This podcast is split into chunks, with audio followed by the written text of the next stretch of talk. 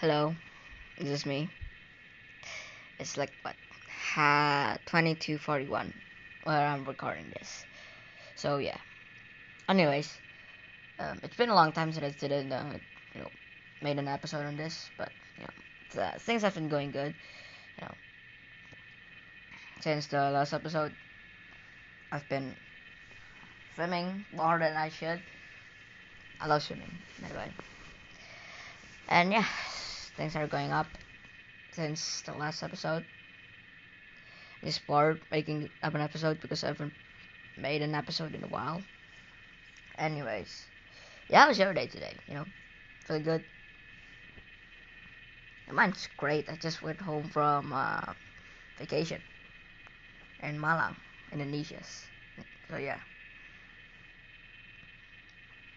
Um, uh, we go, we swim. The pool is like what, 1.3 meters deep.